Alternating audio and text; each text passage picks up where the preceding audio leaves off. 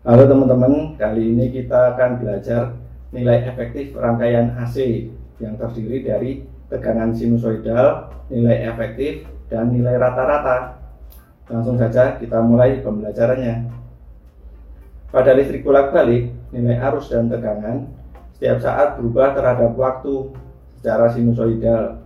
Dengan menggunakan alat osiloskop yang dihubungkan pada rangkaian listrik bolak-balik, kita dapat melihat bentuk spektrum gelombang tegangan atau arus yang terbentuk gelombang sinusoidal dan memenuhi fungsi sinusoidal epsilon sama dengan epsilon maksimum sin omega t. Nilai efektif merupakan nilai arus atau tegangan bolak-balik yang setara dengan arus atau tegangan searah yang dapat menghasilkan panas yang sama besar ketika melintasi suatu pengantar sejenis dalam selang waktu yang bersamaan.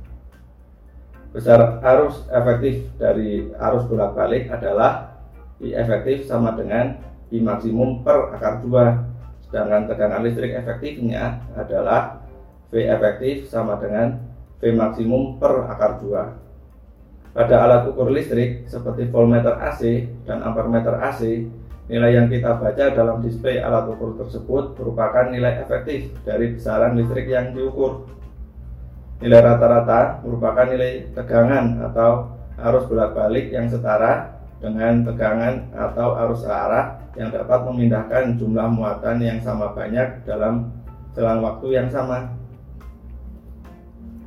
Besar arus rata-rata dari arus bolak-balik adalah I rata-rata sama dengan 2I maksimum per Pi. Sedangkan tegangan listrik rata-ratanya adalah V rata-rata sama dengan 2V maksimum per Pi. Nah, fisika asik kan? Sampai jumpa di pembelajaran selanjutnya ya teman-teman.